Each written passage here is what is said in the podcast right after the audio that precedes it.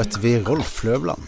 Mannen som har skrevet to av Norges vinnerlåter i Melodi Grand Prix, 'La svinge' og 'Nocturne'. Men i dag skal vi snakke om verdenslåta 'You Raise Me Up', som har vært en kjempehit med både Secret Garden, Josh Groban og Westlife. Låta har solgt i rundt 100 millioner eksemplarer, og det er gjort utallige coverversjoner.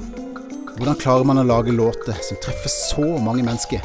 Skriver han med en kynisk penn, eller er han en ydmyk mann med et åpent sinn? Du hører på Rockheims podkast Bak låta. I denne podkastserien skal vi prøve å bli kjent med artisten gjennom en av deres låter. Mitt navn er Sigmund Vegge.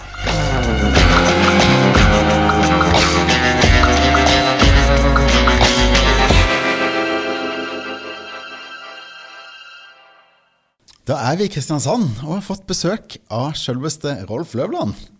Ja, eller dere er på besøk hos meg, siden jeg delvis bor her, men Ja, ja du føler at du, du hører til denne plassen? Ja, tilhørighet er ganske sånn Etter hvert som du blir eldre, da, Ja. så kjenner du at det er et ganske sterkt behov. Ja. Føler at du har eh, liksom, litt kontakt med oppveksten din og, og det som er røtter og sånne ting. Så jeg har veldig sånn glede av å være her og jobbe mye i Kristiansand, selv om jeg bor på Lørenskog. da. Ja. Men jeg er veldig glad for at jeg har den muligheten for å finne ja, både den stillheten jeg trenger til å jobbe, men også den sosiale kontakten med folk jeg kjenner. Så jeg er veldig glad i Kristiansand. Ja. Vi er jo her i dag for å snakke om Me Up. Ja. Og jeg gleder meg veldig til dette her, altså. Det blir spennende å høre om den prosessen, og om en låt som, som når så bredt, da. Hvordan kommer man dit? Hvordan får man det til? Det lurer jeg veldig på.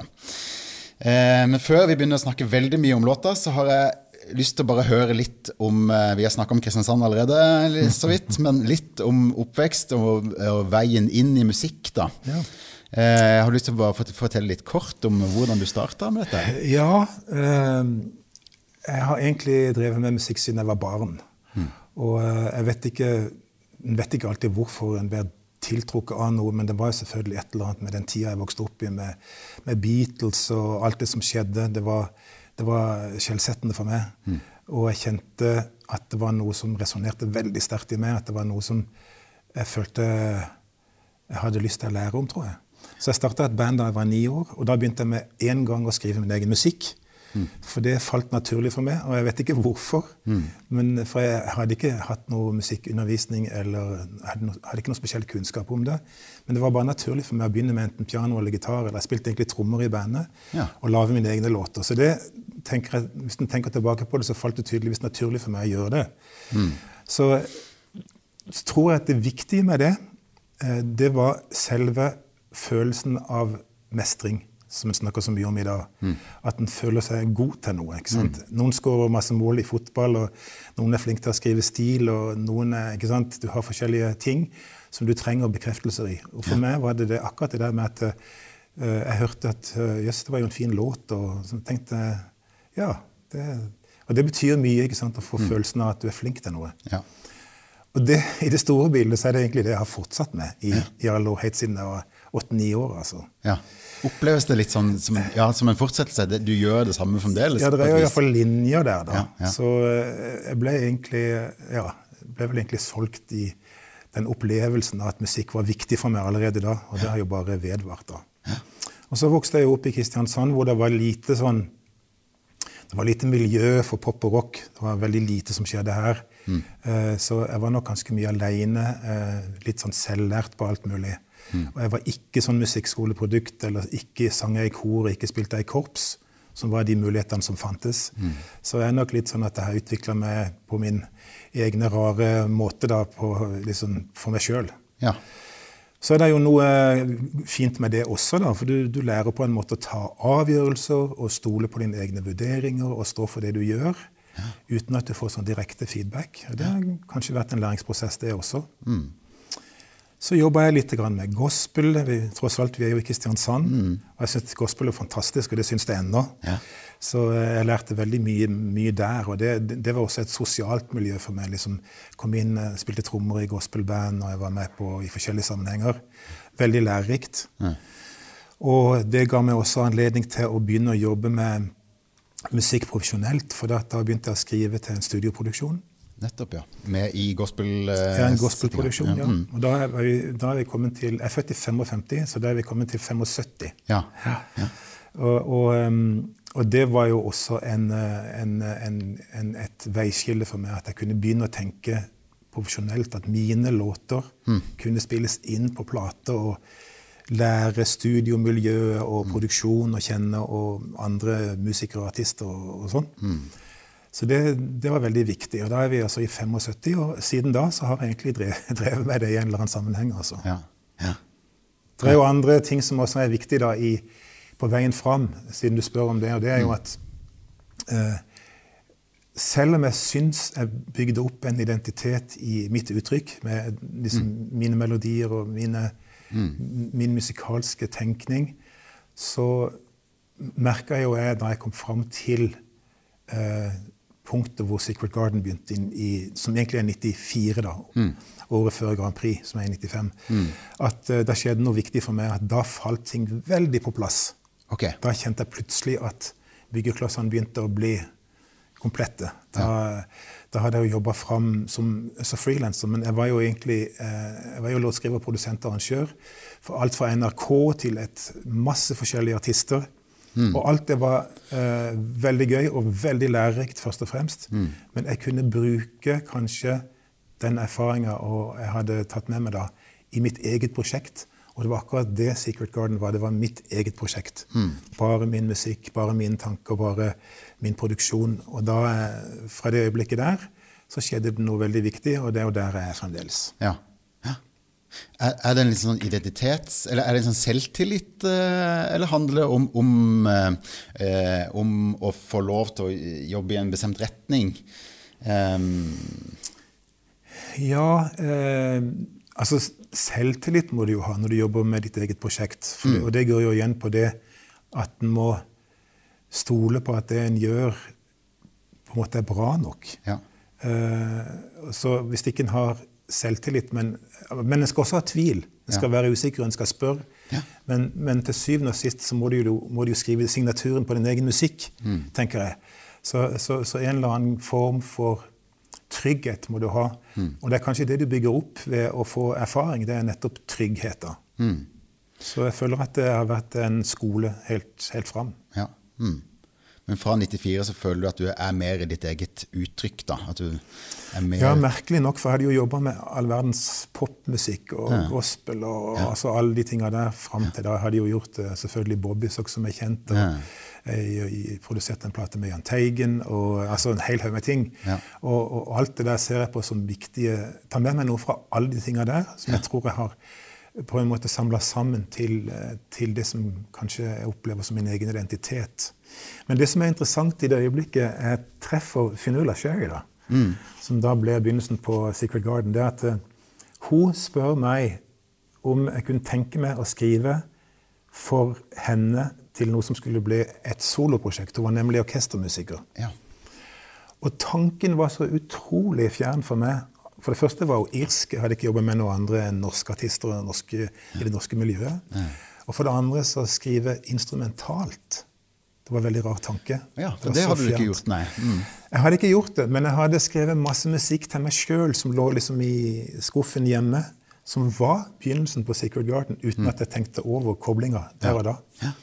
Men da hun spurte meg om det, så fant jeg fram Nocturne, den hadde jeg laga. Ja. Song from a Secret Garden og alle de tingene der som ble viktigst på den første plata vår. Mm.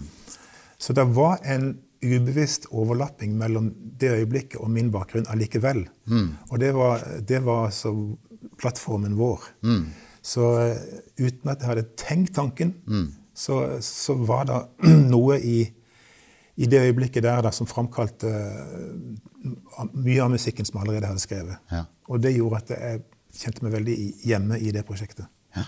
Finner du mye av, av liksom de bobbysocks-tinga og sånne andre ting du har drevet på med?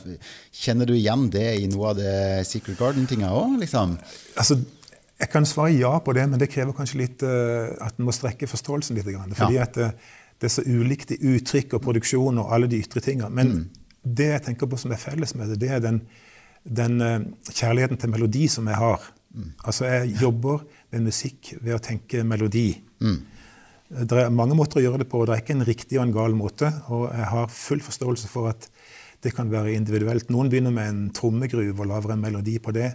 og sånn, Men jeg sitter, med, jeg sitter med melodi. Jeg må føle at melodien forteller en historie og er uttrykk for en følelse og at det er noe sant og ekte for meg. Ja. Så jeg kan godt sitte ved pianoet med litt akkorder og alt mulig, men egentlig minst mulig, minst mulig rundt melodien. For jeg vil at melodien skal snakke sitt eget språk, nesten bare solo og capella. Ja. Så det er min innfallsvinkel til musikk. Og det er like For meg er det like viktig i Bobbysock som det er i, i, i Secret Garden. Altså, La det svinge først og fremst en melodi i utgangspunktet, men så er det mye innpakning og mye produksjon og mye stilistiske elementer i det. Men hvis du tar ut essensen, så er det fremdeles en melodi. Og det syns jeg har i eh, masse av den musikken jeg skrev for Bobby Socks også. Ja. Mm. Er, du en slags minimalist i bunnen? Ja, kanskje det, altså. Jeg er blitt mer og mer opptatt av de rene elementene, i alle fall. Ja. Mm.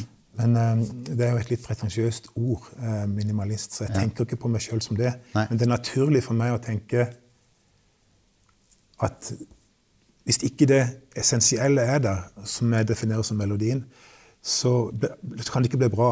Det andre kan ikke gjøre det bra. altså Produksjonselementer, det du kaster på av arrangement og alt mulig, kan aldri gjøre at kjernen blir bedre, for den er på en måte seg sjøl uansett.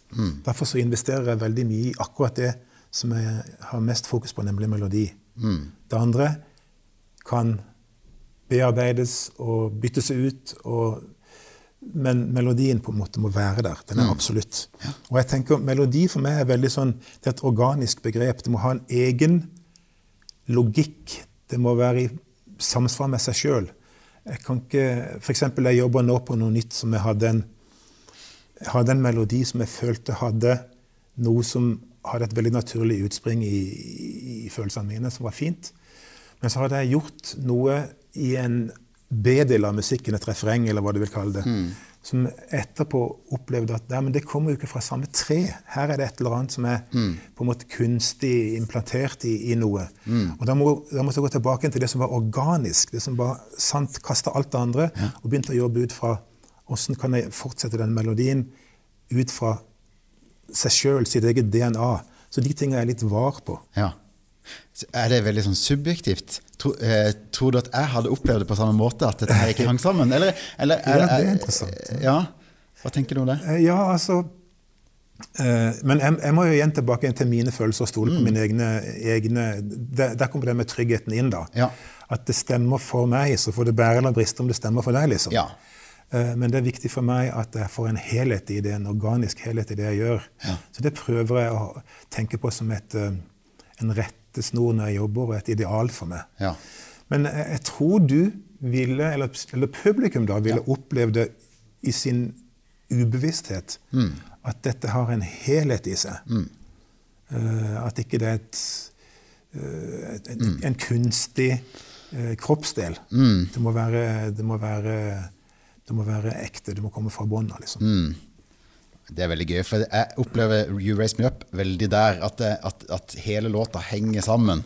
Eh, også i melodiføring, at, at den er på en måte refrengmelodien er en utbrodering av versmelodien. Det er bra du ser det, for det, er- det, sånn er det for meg òg. Ja. Det, det, det, det, det, for meg er det akkurat det viktig. Ja.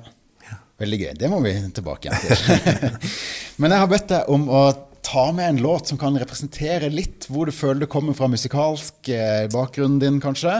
Eh, hva har du valgt da? Da, det, altså det spørsmålet har jo på en måte mange svar, for det er jo ikke én låt Nei. som på en måte forandrer livet ditt. Men, så jeg kunne ha sagt mange. Men jeg tror at jeg velger en låt som eh, kom i, på begynnelsen av 70-tallet, vel. Eh, og i det ligger det en oppdagelse av at musikk, eh, pop og rock, eh, er jo på en måte veldig sånn ja, veldig sterk, og det, du synger det med utestemme, ikke sant? og du skriker og du bråker og alt mulig. Det ligger i under rockens natur og alt det der. Og det betydd mye for meg, det. Men så oppdaget jeg på et tidspunkt at den stille musikken også kan være veldig, veldig fin og viktig. Og det tror jeg i mitt tilfelle var eh, da Paul Simon Ja. kom med sin første soloplate. Ja, nettopp, ja. Eller det var kanskje den andre, den som heter, den som heter Ryman Simon. Ja. Og da opplevde jeg det som veldig sterkt for meg, for det var så intimt, det var så nært, det var så fine arrangementer. Han synger mykt og fint, han spiller gitar mykt og fint. Det var ikke litt sånn bråkete elgitarer og sånne ting. Og det er også kjempefint, men, men det ga meg en ny dimensjon. Mm. det var en ganske lærerik oppdagelse.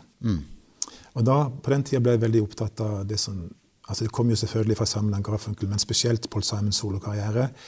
Og James Taylor og Johnny Mitchell og de tinga som skjer på 70-tallet. Veldig viktig for meg. Og jeg tror kanskje det er spor etter den stillheten i Secret Garden også i dag. Du må jo på en måte sitte og lytte. Vi kan ikke gjøre stadionkonserter. ikke sant? Det er ikke Nei. riktig musikk for det. Ja. Så, så jeg tror jeg har lært noe der som har vært eh, med meg helt siden da. Men jeg valgte en låt som var veldig, en veldig stille og fin, men også en intelligent låt som, som, eh, som heter 'Something So Right'. Da må vi jo høre på den. Ja. ja. You got the cool water when the fever runs high.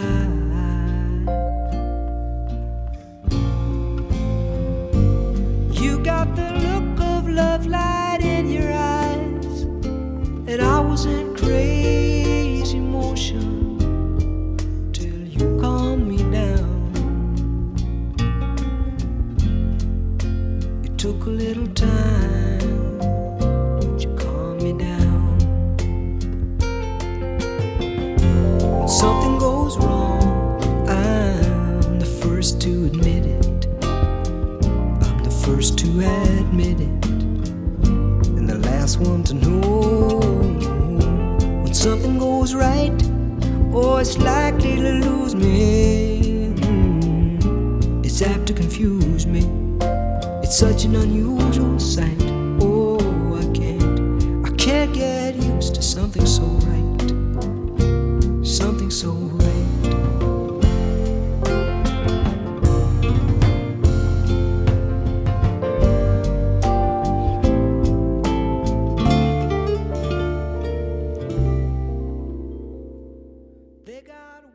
fint, det er så, det er så delikat.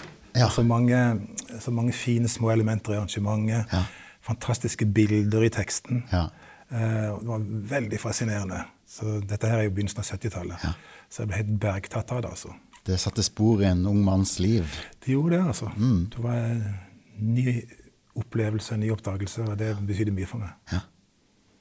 Jeg må spørre deg om en ting. Ja. For at, eh, litt det du snakka om i stad, om, om å bryte musikalsk. da. Det, eh, for, jeg opplever at, at brua i denne låta her bryter ganske eh, altså Bevisst, selvfølgelig, da, men, men er det en sånn type brytning du, du tenker på? Jeg er litt enig med deg, faktisk. Altså, Some people never say the words I love you. Det blir plutselig et veldig sånn kontrast her. Så det, det er jeg helt enig i. Så Ja, ja. Det, det er ikke nødvendigvis eh, akkurat det elementet som jeg hadde plukka opp, men Ja. for meg var det nok eh, eh, for meg var Det nok, eh, det er en veldig fin bridge, Ja. det er det. Ja. men det er så mye delikate små detaljer i arrangementet, og det er strykere som kommer inn, som faktisk Quincy Jones har gjort. Ja, jeg ja. ikke sant? Jazzarrangør. Mm. Eh, Det er sånn sammensmelting av elementer. Richie T på piano som spiller Mm. jazzfilsegitaren i bakgrunnen der, nylongitaren i forgrunnen, og Mm. den nære stemmen og den historiefortellinga som ligger i låten, det er så utrolig delikat og nydelig gjort. Mm. Så det ble en stor opplevelse for meg. Og det jeg gjorde med den låten, det var at jeg for første gang prøvde å forstå hva, hva, hva er det de gjør rent produksjonsmessig. Jeg gikk inn på å, å studere alle elementene i arrangementet, for det var så mange fine ting. Og så er det satt sammen på en sånn veldig fin måte. Typisk sånn, litt sånn amerikansk West Coast-produksjon. Ja. Men det er fantastisk fint. Mm. Og du setter pris på en god musiker? Det gjør jeg uansett hva musikkstilen er, selvfølgelig. Ja. Det gjør jo vi som er musikere. ikke sant? Vi, Ja. vi har respekt for alt som er bra. Ja. Mm. Nå har jeg lyst til å gå tilbake til din 16 år gamle Rolf. Ja. Hva hadde han syntes om You Raise Me Up? Det er ikke Ja, si det, altså. Det er et interessant spørsmål. Jeg var nok ikke helt der da. Nei? Men uh, um, den jeg var, jeg var sannsynligvis inne i en sånn uh, liten sånn gospelfase, begynn, begynnende gospelfase. Eh, og jeg hadde nok likt den spirituelle sida av sangen. Ja. Raise Me Up, at den er oppløftende over det, og at, eh, at den har eh, noe som taler til til, eh, til sjelen vår, liksom. Den hadde jeg kanskje syntes var fin. Jeg, jeg, jeg håper jeg hadde likt sangen, men jeg kunne ikke ha skrevet den da. Nei. Nei. ok. Mm. Og du snakka litt om Beatles og, opp, og, og musikken, rockens uh, opprørske natur. si. Den, Ja. den er jo ikke sånn kjempetested i, i You Raise Me Up, da.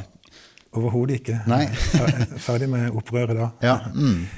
Ja, det kan du si. Nei, det, det er liksom ikke måten å tilgripe det på. Eller angripe det på. Det blir liksom en helt annen fase av livet mitt. Ja.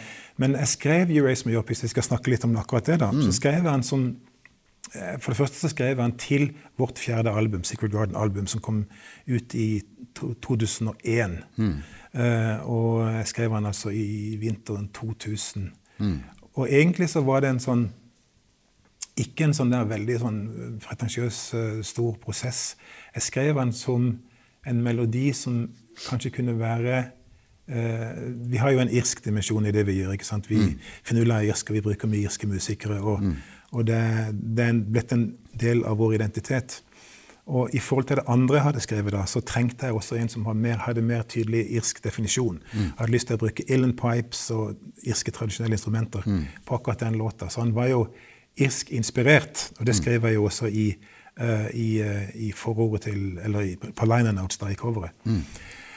Så, uh, så, så er det også veldig rart at da vi var i studio og gjorde demo på den plata, så var det den siste jeg gjorde, for jeg var mest, jeg var mest i tvil om den ville passe inn i det vi holdt på med.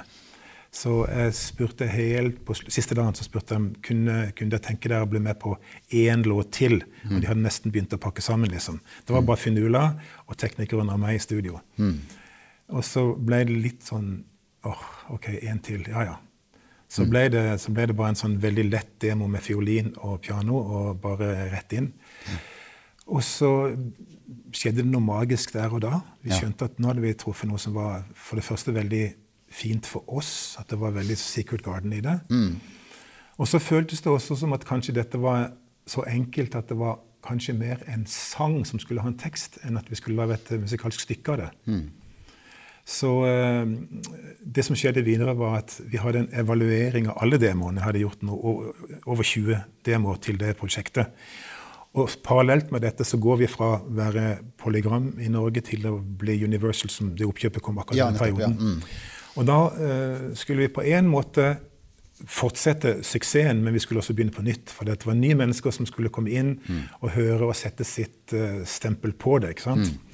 Og da var det mye diskusjon om akkurat den sangen der var for gammelmodig.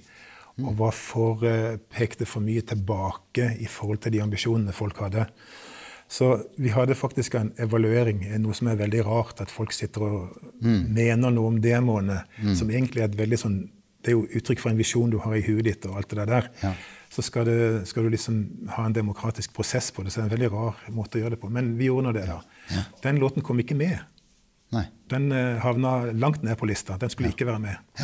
Men jeg var helt sikker på at dette her er viktig for oss. Dette skal være med. Så har jeg heldigvis den friheten at jeg, jeg gjør egentlig som jeg vil, selv om de andre får eh, uttrykke sin mening og, og jeg hører på dem. Men akkurat den saken var jeg overbevist om at den skal være med. Så jeg jobba videre med den i studio, jeg gjorde strykearrangementet, og jeg gjorde eh, alt det som skulle til i produksjonen. Og så hadde jeg tenkt på tekst, og da hadde jeg akkurat lest en, eh, en eh, historisk roman av Brendan Graham Ja, som heter The Whitest Flower. Som er en historie om den irske utvandringa til USA okay. på slutten av 1800-tallet. Og jeg var så fascinert av innholdet, men også av måten å fortelle en historie på, og, og den tidskoloritten som lå i språket hans sitt. Og så var han jo også tekstforfatter, og jeg kjente han, så jeg tenkte at jeg må spørre Brendan om dette kan være Ja. en melodi han hører en historie på. Så låten var egentlig ferdig spilt inn, men mangla tekst. Så skrev han egentlig den teksten på én dag. Jeg spilte låten for han på, før jeg skulle i studio på, på formiddagen. Og på kvelden så ringte han meg så sier han sving innom, skal, skal du se et utkast. Så fikk jeg en sånn håndskreven versjon av You Raise Me Up. Det var helt fantastisk. da skjønte jeg det her. Ja. Her er det ingen begrensning. Dette kan bli utrolig fint. ja. Og det, det skjønte du der og da? Ja, da, det var helt uh, Det sitra når jeg så teksten. Det var så fint. Det var, det var så vanvittig. Stort øyeblikk Ja, det i livet, er det ikke det? Ja, det var det. det, var Ja. det altså. Så der skjønte jeg på en måte. Før det så visste jeg at det var en viktig låt for oss, at det kunne bli fint. Ja. Men jeg så ikke potensialet i det før den Altså det store potensialet før den smelta sammen med tekst. For da skjønte jeg at dette her er, dette kan go all the way. Det var Ja. så fint. Og da, ja, da, begynte en, da begynte jo den prosessen med å gjøre det vi kunne få ut av den låten, altså. Jo- Gjorde teksten at du så eh, låta på et annet lys, eller hva, hva var det som på en måte gjorde at du liksom skjønte at den, eh, dette var et annet produkt, eller eh, Nei, det var ikke et annet produkt. Men det som, det som skjedde, det var at jeg ville ikke gi uh, Brendan uh, noen føringer, annet enn at jeg sa at denne sangen for meg har en, en åndelig side, en, en spiritual Det må være noe som på en måte ikke en kontradiksjon til det som ligger i det. Og det, det som var fint mellom Brendan og meg, eh, som alltid har vært fint, er, at, det er at han har alltid hørt veldig mye på melodiene. Og spesielt da fiolinen. ikke sant? Han har hatt fokus på det og hørt på det. Han sier han hører på det hundrevis av ganger for å høre hvilken historie fi, fiolinen og melodien forteller han. Så hans tekst er på en måte en direkte respons til den melodien han, eller den historien han hører i melodien. Og det er det som gjør at det smelter sammen, tror jeg. Han, er, han er veldig var på det, og det, og det stemmer alltid. Altså det, det, nesten hver gang vi har jobba med, med sanger, så har det vært en utrolig fin samsvar mellom tekst og, og, og melodi. da. ja. Så um, ja, for det er snedig, for det er jo en, eh, teksten er jo nesten en beskrivelse av hva som skjer musikalsk. Altså, Ja? You raise me up. Altså, Ja, det er jo en helt sånn én-til-én-forhold i melodi og tekst, på en måte.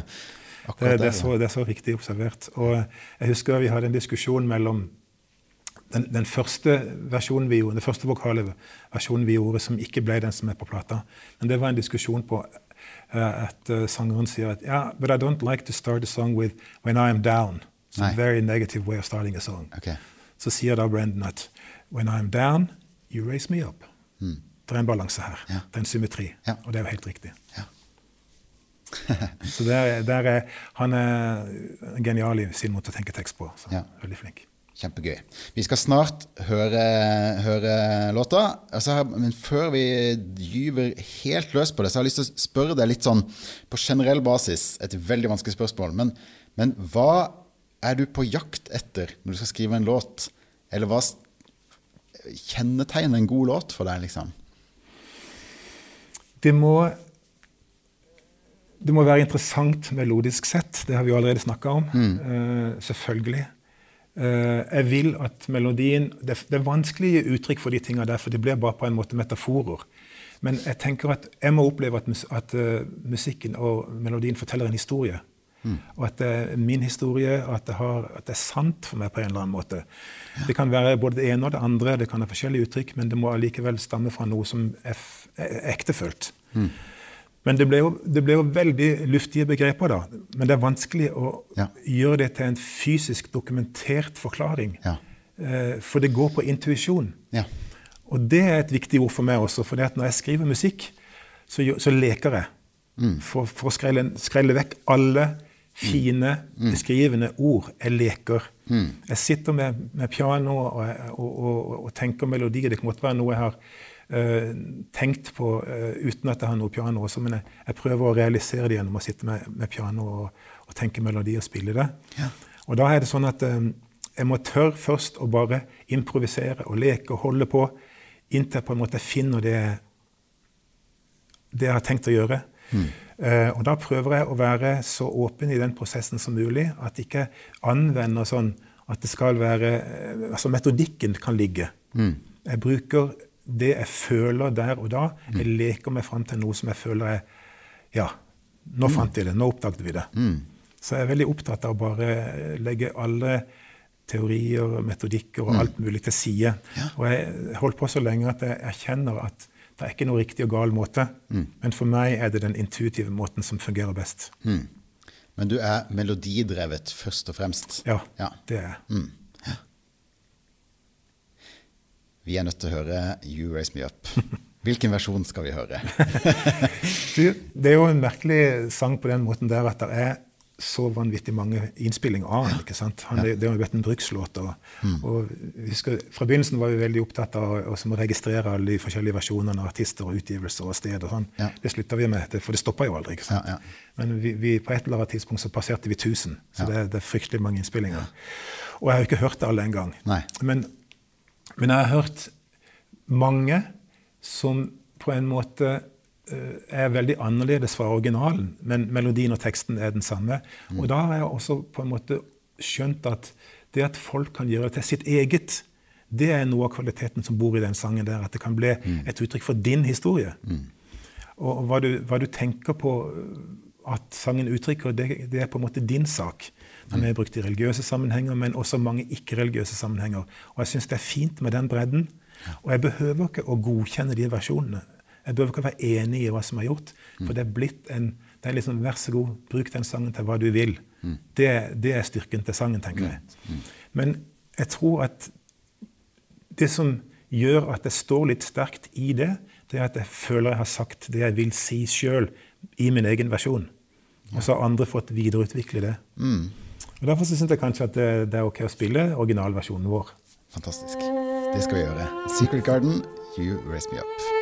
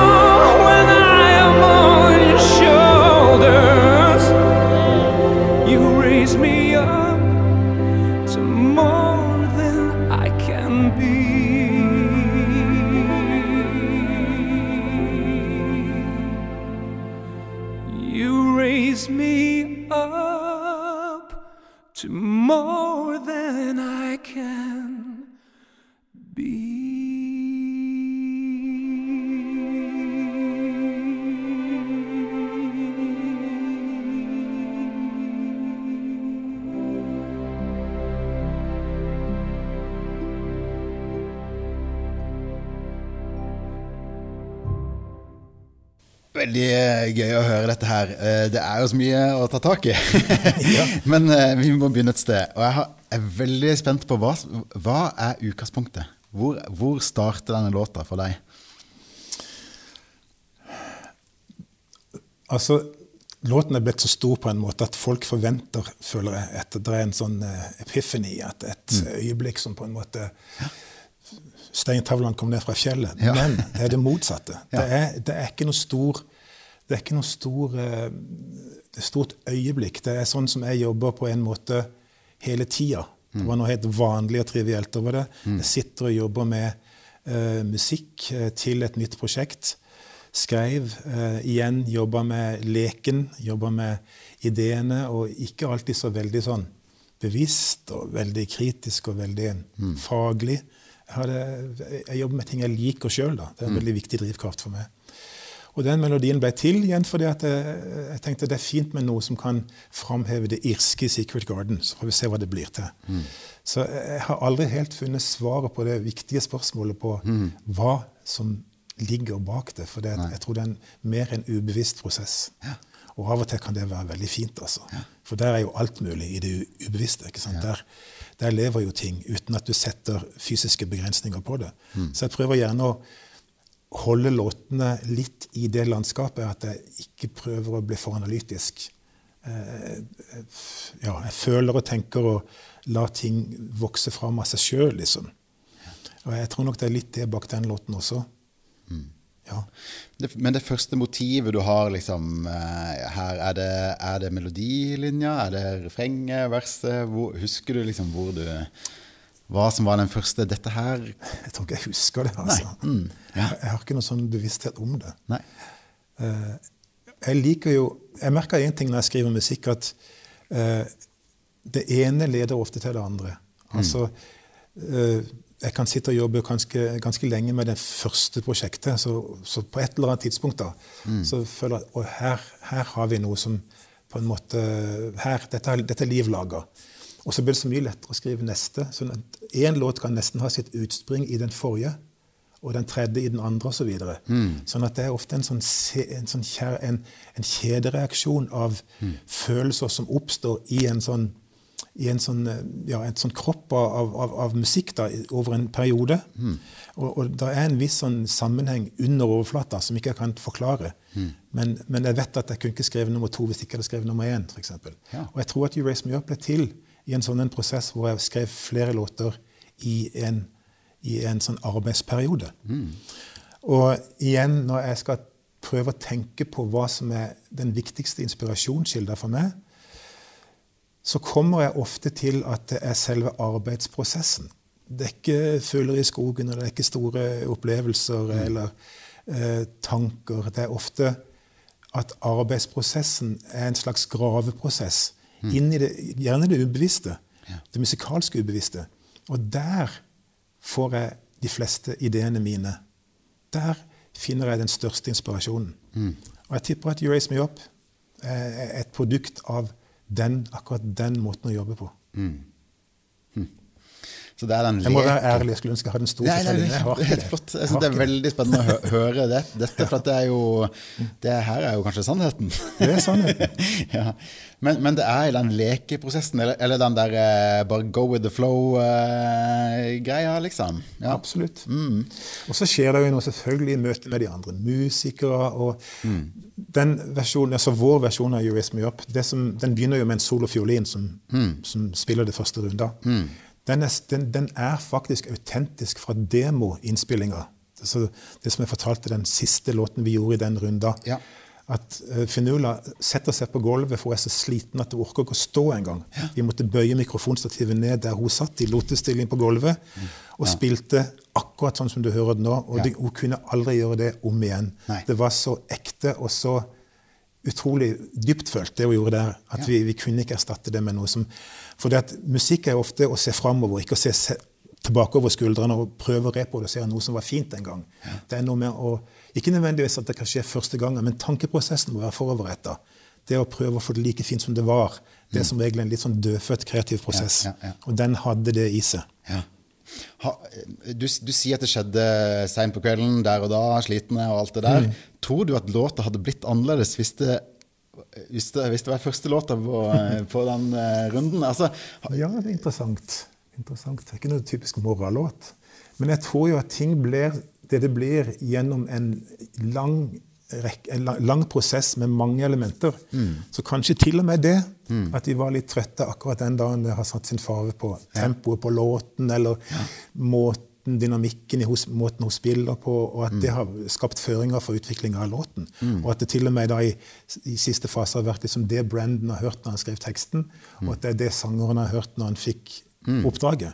Så det er jo en kjede av, av prosesser som skjer, som gjør at det blir det det blir. da. Og det er jo interessant. Men du sier det skjedde der og da, den demoversjonen. Eh, Hvor mye hadde du da? Hva presenterte du for de andre? Var, var det hele melodien, hele låta ferdig liksom fra A til Å, eller var det liksom Nei, altså Det er jo en så enkel låt at den handler jo bare egentlig om melodi på noen akkorder. Og så hadde jeg noen ideer om at jeg skulle begynne med fiolin, og så hadde jeg noen ideer om modulasjoner, og at Ilden Pipe skulle komme inn. Så jeg hadde nok Ja. låta nokså hel Ja. i huet mitt Ja. da vi begynte. Ja. Men i motsetning til de andre låtene vi spilte inn på den, den demorunda vi hadde, så var dette her lite ferdigprodusert. De andre hadde jeg kanskje jobba flere dager med med arrangement og ferdig programmering og sånt, noe som vi skulle jobbe, så det tok mye lengre tid. Dette skulle ned på bare eh, melodi og, og liksom det, det essensielle i låta. Det skulle ikke være noe arrangement. Jeg spilte bare piano og spilte fiolin. Det er føringa for hele låten. Tror, tror du at den, den litt sånn uferdige versjonen var, ga det mer rom for, eh, for musikerne?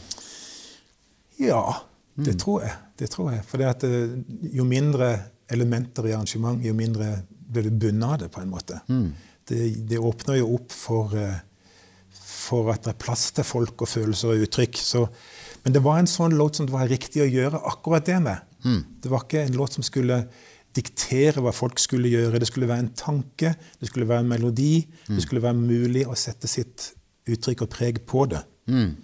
Så jeg tror, ja, du spør om noe som er ganske viktig nå for, for, for, for utviklinga av låten. Jeg tror enkelheten var med på å gi han den styrken han har.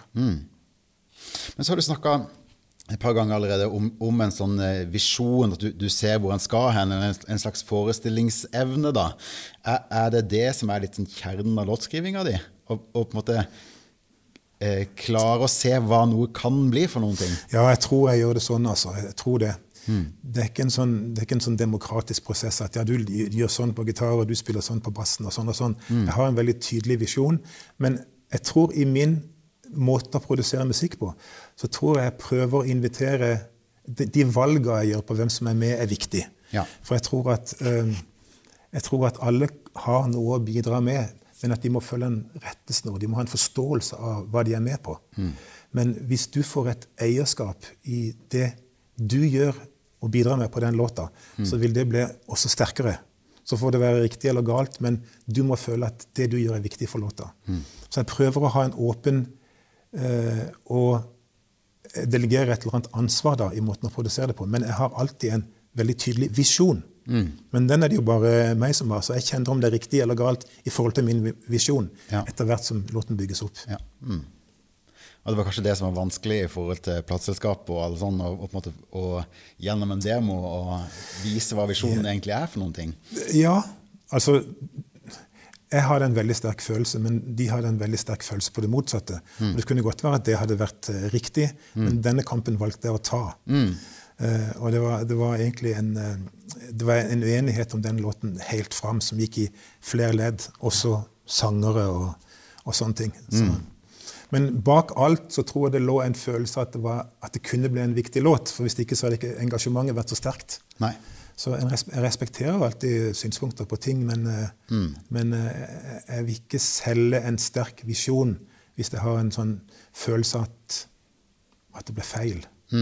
Men eh, Så demokrati til et visst punkt. Men til slutt så må du signere sjøl, hvis ikke så blir det bare ingenting. Men da har du jo en trygghet i bånn. Da, da, da, da, Ja. vet du at dette her kan bli noen ting. Du har- ja, du du, har- du tror, du tror iallfall ja, det. ja, ja. Vet og vet, men du tror iallfall det. Og den, eh, den, tror jeg, den følelsen er viktig å følge, altså. Mm.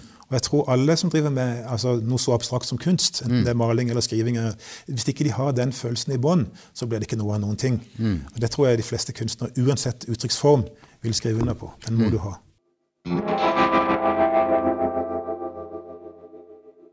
Jeg har lyst til at vi skal snakke litt om noen av de forskjellige elementene som eh, skjer her. da. Jeg opplever at, at vi, vi starter veldig nært. eh, det er noe med den, det, det pianoostinatet, de, den kvinten som ligger der, som er veldig åpen. Jeg får sånn kirkeklokkefølelse. Det er noe sånn, du snakker om noe spirituelt. Altså, og så er vokalen breathy og veldig nær. Altså, du begynner veldig close, da. Jeg og til og med fiolin før det igjen, Ja, ja, ja, altså, som bare er Ja, ja. solofiolin. ikke sant? Mm, ja, mm. Eh, Så ja, det er helt riktig det, altså. Og, så bygger det seg opp til å bli ganske stort, da. Mm. På slutten. Hvor det blir liksom kor og, og full, eh, Mm. full stryk og alt det der. Men eh, ja. Jeg, jeg har hørt deg si at, at, at det oppleves som en låt som alltid har vært der. Og for meg så gir det veldig mening. Det, det føles som en låt som alltid har vært der. Du, jeg, jeg så et veldig fint Da må jeg bare si, på, si noe som jeg, jeg akkurat hørte nå, som jeg, jeg kjenner meg så utrolig igjen i sjøl. Ja. For jeg har alltid sagt om min musikk at, at jeg, jeg, jeg finner ikke opp musikken, men jeg oppdager den. Og det, det er sånn det føles. Det, det er en slags beskrivelse av at dette må ha vært der, liksom. men så var jeg så heldig å oppdage det.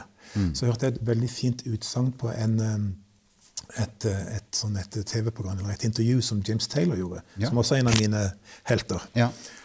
Eh, og, og sikkert din også, siden du er gitarist. Eh, han sier at eh, han, eh, han føler også det samme, at han, eh, han, eh, han finner ikke opp låtene sine. Men But I was the first one to hear it, sier han. At han føler seg liksom privilegert som var den første som fikk lov til å høre den låten. Og det kjenner jeg meg veldig igjen i sjøl. Og jeg jobber jo, jeg er alltid på jakt etter det organiske. Så det stemmer liksom litt med min filosofi. At uh, for at noe skal være organisk, så må det på en måte ha hatt en eksistens i en eller annen form før. Eh, og hva det er for noe, for det kan være det er en veldig åndelig beskrivelse, da, men det er noe du føler at Hva er det som gjør at refrenget må være akkurat sånn hvis verset er sånn? Hva er, det som, hva er det som gjør at du kan beskrive noe som et DNA i låten? Det må være en eller annen nedfelt kraft som du oppdager. Ja, det, Men du var den første til å høre det. ja, det er kjempespennende. Eh, ja, mm.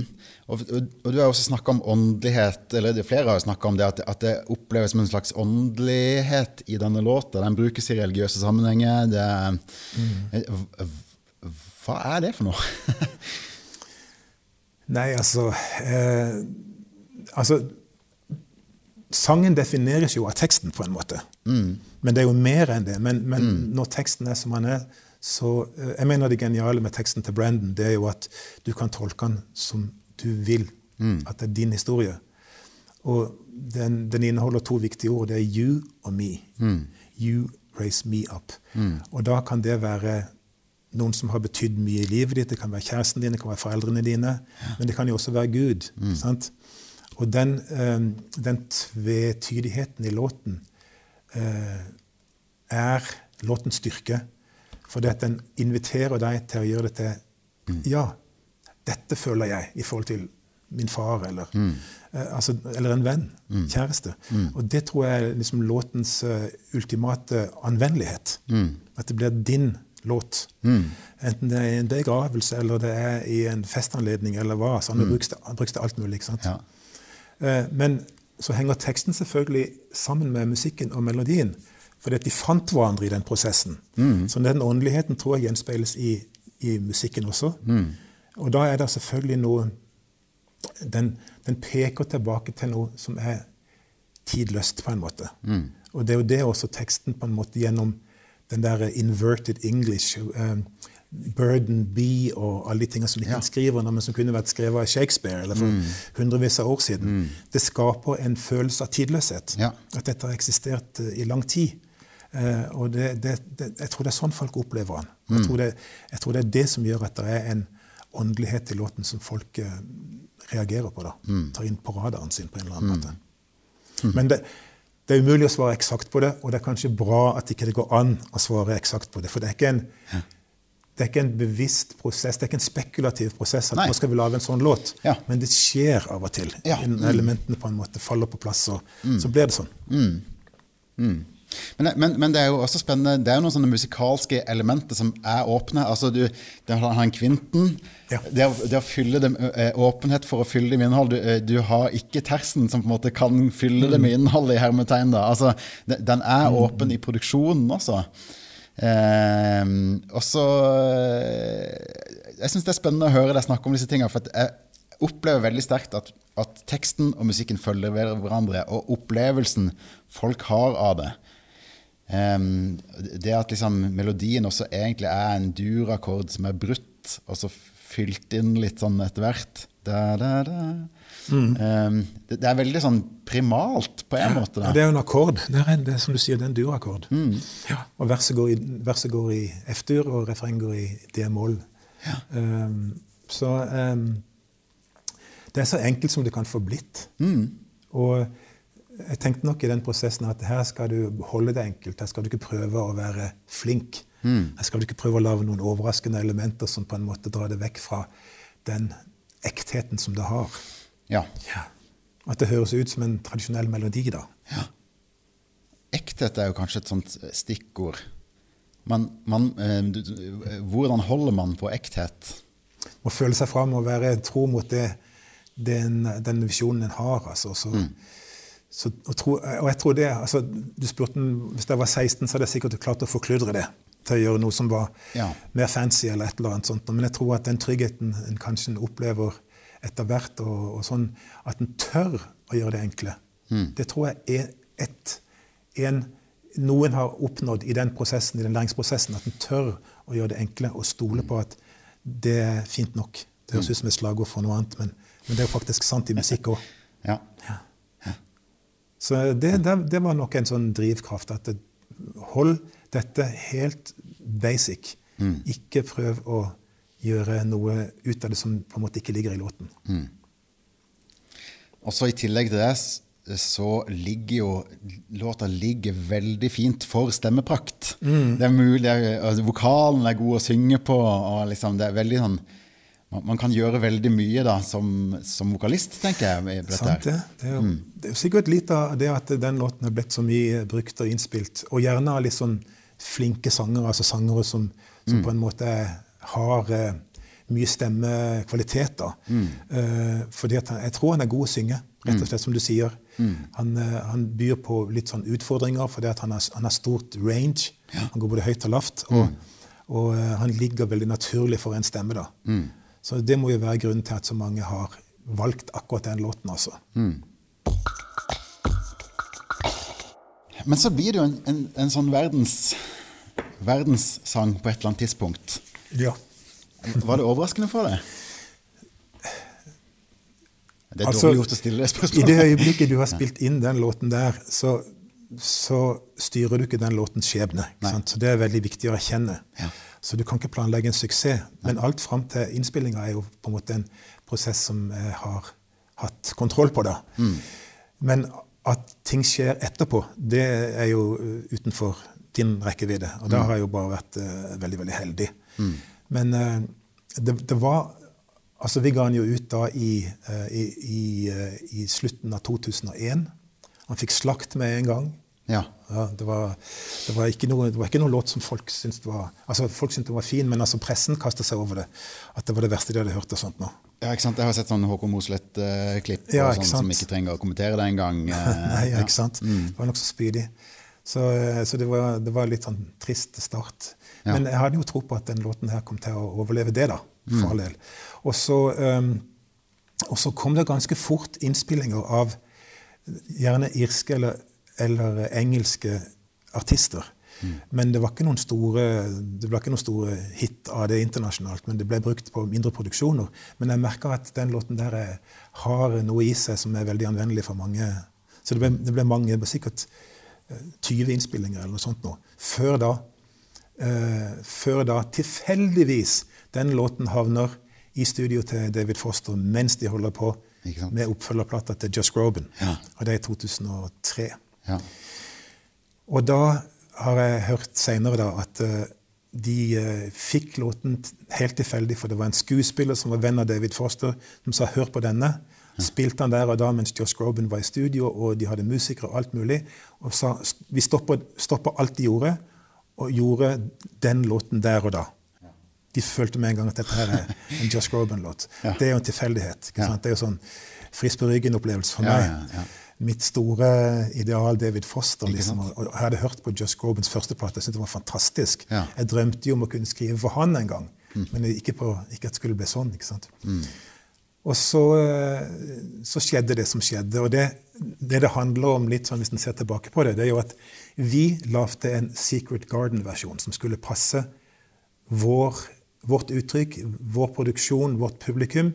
Og være Det at det var en sang, var jo i seg sjøl Vi hadde ikke gjort så mye sanger før, vet du. Vi hadde gjort bare nesten instrumentaler. Eh, og da, bortsett fra litt vokal på nocturne og litt småting og sånn. ikke sant? Så det at det var en sang i seg sjøl, var litt sånn nytt for oss, og vi tenkte nok over om det var riktig eller ikke på vår plate. Men vi holdt oss veldig innenfor rammene av hva, hva jeg vil definere som en Secret Garden-produksjon. Det gjorde selvfølgelig ikke David Foster og Groban. De tenkte her er en eh, popballade som kan bli en adult contemporary hit. Det er det de hører.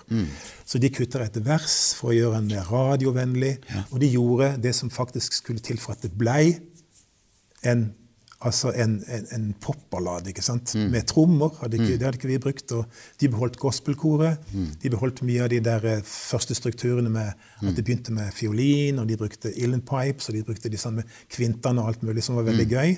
For så jeg, jeg synes de var veldig de var veldig eh, eh, respektfulle på en måte overfor produksjonen, men de ga det sitt. De gjorde det større. ikke sant? Og det var jo begynnelsen på at det ble plutselig nummer én i USA, og, og vanvittig svært. da. Ja. det må jo være en eh, rar opplevelse, kanskje. Eller vet ikke. Hvordan, eh, Jo, det, det var en rar opplevelse. Eh, jeg syntes det var veldig fint, for det første. Ja. Det, det, var, det, var ikke, det var ikke noe vanskelig for meg å på en måte skjønne at de hadde truffet en nerve som også lå i sangen. Kanskje sangens anvendelighet igjen. At han tålte det òg, og ble mer en popballade enn på en måte en sånn tradisjonell Secret Garden-låt. Eh, og, og det syntes jeg var veldig fint. Og jeg var allerede fan av Josh Groban og ikke minst av David Foster, så for meg var det en sånn vanvittig fin bekreftelse. ja. Men da har du altså både fått slakt, og du har fått eh, så mye ros som man kan få, kanskje. Ja. Hvordan forholder du deg til sånne ting? Altså, du, du, må, du må jo eh, regne med at du ikke tenkte at dette her er en eh, hit for eh, 13-åringer som skal på fest, liksom, når du ga den ut i første omgang. Eller at, at det ikke var P3-materiale, kanskje. liksom. Men, Selvfølgelig, ja. ja mm. Nei, Jeg tenkte ikke på noe annet enn at det skulle være riktig for oss. ikke Ja. Mm. Nei da, eh, en lærer seg jo å forholde seg til det, men det ligger et snev av følelser i det enda, altså. Ja, det skjønner jeg Eh, en blir glad for eh, god kritikk, og en kan bli en smule lei seg for Mm. eh, dårlig kritikk. eh, og spesielt, spesielt hvis kritikken føles gjort på feil premisser. Kanskje ikke de forstår hva jeg forsøker å gjøre. Hvis du forventer at det skulle være noe helt annet, at dette er dårlig popmusikk eller dårlig rockmusikk, eller det er ikke rap nok, eller, så, så føler du liksom at det, ja, men, det er jo ikke det vi holder på med. Ja. Da er det vanskelig på en måte å lese den anmeldelsen og føle at du lærte noe, at Ja. det var relevant. Ja. Men det går fort over. For det, har jo vært noen sånne opp igjennom. Altså, jeg har fått alt. Hvis det er noen som har fått slakt, så er det, så er det vel meg, altså. Og, og ros. Ja. Så en lærer å ta begge deler med en klype salt og skjønne at det er et uttrykk for veldig sånn subjektive oppfatninger av ting. Men det er lettere å være enig med en god kritikk enn en dårlig. Selvfølgelig. Men du står i det. det. Du gjør jo ikke det du, eh, Da hadde jo kanskje noen tenkt at ja, men da må jeg lage litt mer P3-vennlig neste gang, men det gjør du ikke. Nei.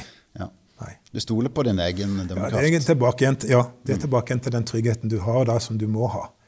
Eh, og uh, vi, vi har et veldig stort publikum da. Og uh, altså, vi har så mye positiv bekreftelse på det vi gjør. Og um, ja, jeg har, jeg har vært så heldig at vi, vi, vi har funnet vår identitet. da. Vi har funnet vår egen stemme. Og det er jo det en ofte jobber i lang tid med. ikke sant? Det å finne hvem, hvem du er i et musikalsk bilde, og hva ditt uttrykk er. Og når du finner det, så holder du på det. ikke sant? Du selger ikke det ut fordi at ikke det var riktig for en anmelder. Det føles veldig veldig fjernt og, og, og rart for meg. Så eh, du, du blir kanskje bare enda tryggere i den troen at du må ha eh, Du må stole på din egen dømmekraft i sånne ting. Vi kunne jo holdt på i evigheter, men nå tror jeg vi har kommet dit at vi skal prøve å eh, oppsummere litt hvor vi, eh, hva vi har snakka om. Jeg opplever jo da at, at, eh, at vi kan finne liksom, litt av deg i denne låta. da.